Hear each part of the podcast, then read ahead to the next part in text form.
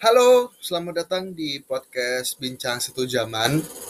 Uh, ini episodenya agak sedikit berbeda ya karena mungkin ini pertama kalinya gue ngomongin soal hal yang berbau tentang hukum gitu. Uh, btw gimana nih kabar lu semua nih? Uh, gue berharap lu sehat-sehat aja ya, nggak ada masalah apalagi sampai sakit gitu karena setahu gue sekarang tuh kondisi rumah sakit IGD-nya sih udah agak kosong kata Pak Anies ya. Tapi kan sama aja istilahnya kayak gitu. Nah, eh, BTW gue pengen ngomongin soal mungkin kalau lo lihat di judul podcast ini ya kurang lebih seperti itu yaitu eh, soal Jui Putri dan 12 juta. Gue sebenarnya gini sih kalau ditanya buat lo yang nggak ngikutin kasusnya, jadi si Jui Putri ini atau bisa dibilang salah satu TikToker slowmo yang sering nongkrong di Stadion Patriot. Karena kan setahu gua tuh Stadion Patriot tuh jadi base campnya anak-anak slowmo kan istilahnya. Buat anak-anak slowmo take video segala macam. Meskipun uh, secara personal yang gua tahu tentang dia, dia ini katanya anak rantau. Anak rantau dari Samarinda gak ada masalah sih malah bagus gitu. Karyanya dia kan emang kayak begitu kan apakah jadi masalah buat gue tentu aja tidak. Dan sempat heboh soal kasus dia yang bikin party bikin party di Bekasi. Dan sebetulnya gue adalah salah satu orang yang cukup vokal terhadap kasusnya dia di TikTok karena memang gue akuin atensi netizen pada saat itu ketika gue ngepost video tentang si Jui tentang regulasi dan lain segala macam itu banyak yang uh, report ke gue banyak yang tag gue gitu. Hingga akhirnya uh, ya gimana ya kalau ditanya apakah gue bagian dari satgas kalau dibilang bagian sih iya cuman masa tugas gue tuh udah selesai sebetulnya.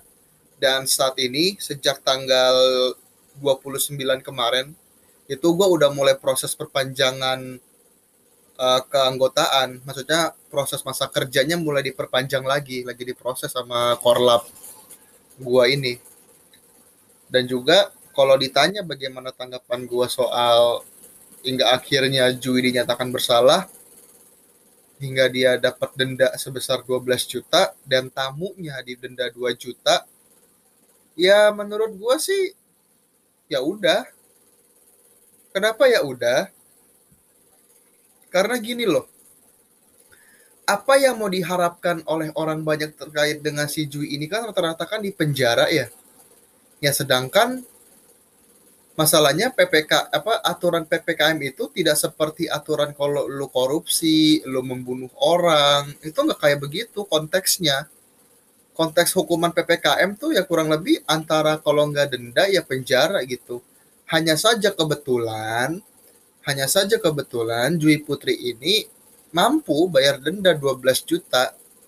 Maka dari itu, gua tidak menyalahkan dia lagi, sudah selesai masalahnya. Yang gua salut dari si Jui ini adalah, jujur gua gua salut sama Jui gitu. Yang bikin gua salut sama Jui adalah dia tanggung jawab apa yang udah dia lakukan gitu. Meskipun memang kelakuannya agak why ya why dalam tanda kutip ya kenapa? Kenapa lu harus ngerayain party di PPKM pada saat PPKM maksud gua dan lebih parahnya lagi lu joget-joget gitu loh. Dan ya mungkin salah lu lu taruh di media sosial dan teman-teman lu pun sebenarnya juga jatuhnya kayak ngecepuin juga sih. Ngapain lu taruh di YouTube ngapain taruh di TikTok pasti kan jadi atensi banyak orang karena kan kalau gua tuh tahu sebenarnya bukan dari akunnya Jui tapi dari akun ini hijab berkembar tiga. Itu gua tahu dari mereka tuh memposting video itu. Dan juga uh, gimana ya? Cuman memang yang gua sangat lucu untuk menanggapi kasus dia adalah kalau lu perhatiin ya kalau lu perhatiin antara dia saat pesta ketika dia memberi klarifikasi persidangan dan pasca persidangan itu uh, kon, apa namanya bukan konteks uh, perubahan dari gestur, dari attitude, dari speech atau statement yang dia berikan ini cenderung mengkondisikan apa yang dia rasakan gitu. Kalau lu lagi hura-hura, lu buka jilbab dengan pakaian terbuka lu. Lu membuat kesalahan dan mengakui, lu menjadi seorang muslimah gitu. Memang gua akuin sih ternyata emang orang kalau udah jadi penjahat tuh tiba-tiba jadi islami banget.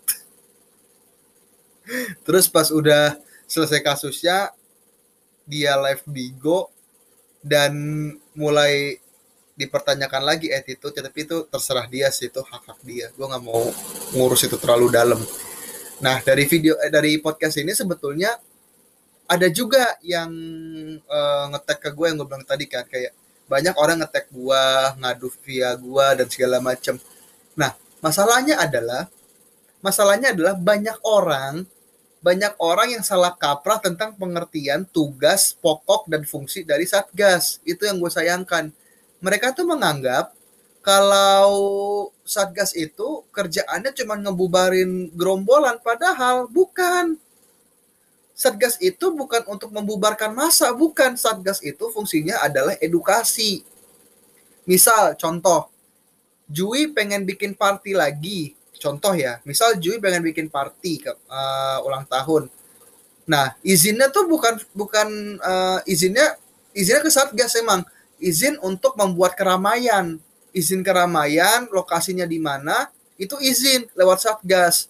Kalau Satgas udah nge-ACC, ya udah Jui bebas berpesta di sana. Hanya saja, hanya saja yang harus kita ketahui bersama, sekelas acara pernikahan di masa PPKM darurat itu di cancel total, dilarang bisa dibilang. Eh enggak, pernikahan itu tetap dilaksanakan tapi cuma 30% kapasitasnya seingat gua. Beda urusan kalau party, mungkin itu beda. Ya, pada intinya adalah Satgas itu bukan untuk membubarkan massa, bukan yang bisa yang berhak atau punya legalitas atau punya uh, apa namanya yang punya kewajiban atas dasar untuk membubarkan perkumpulan atau ngumpul-ngumpul nggak jelas atau melanggar PPKM dan sebagainya yang berhak melakukan penindakan adalah aparat penegak hukum seperti TNI, Polri, dan Satpol PP. Maka dari itu gue cukup menyayangkan terkait apa-apa ngadu ke Satgas dengan dengan ekspektasi agar semua perkumpulan itu dibubarkan. Dan yang menjatuhkan sanksi juga bukan Satgas. Yang menjatuhkan sanksi itu aparat penegak hukum. Kayak TNI, Polri, dan segala macamnya melalui proses sidang hingga akhirnya dipecahkanlah putusan gitu loh maksud gua tuh jadi ya kalau boleh jujur gua agak menyayangkan sih kayak gitu mungkin segitu aja sih dari gua terkait dengan kasus si Jui Putri ini gua nggak tahu nih anak ini bakal ngedenger apa enggak cuman kalau misalnya lu denger podcast gua ini buat lu Joy ya lu harus sadar diri lu udah gede lu udah punya nama gua tahu lu lagi star syndrome dan mungkin circle lu maaf ya mungkin circle lu terlalu tolol tidak bisa mengingatkan lu dengan cara yang baik hingga akhirnya lu juga kesandung kasus hukum. Tapi untungnya lu bisa bayar denda. Kalau misalnya lu pengen bikin SKCK buat jadi CPNS masih bisa. Tenang aja. Dan itu aja sih dari gue thank you semuanya. Mantap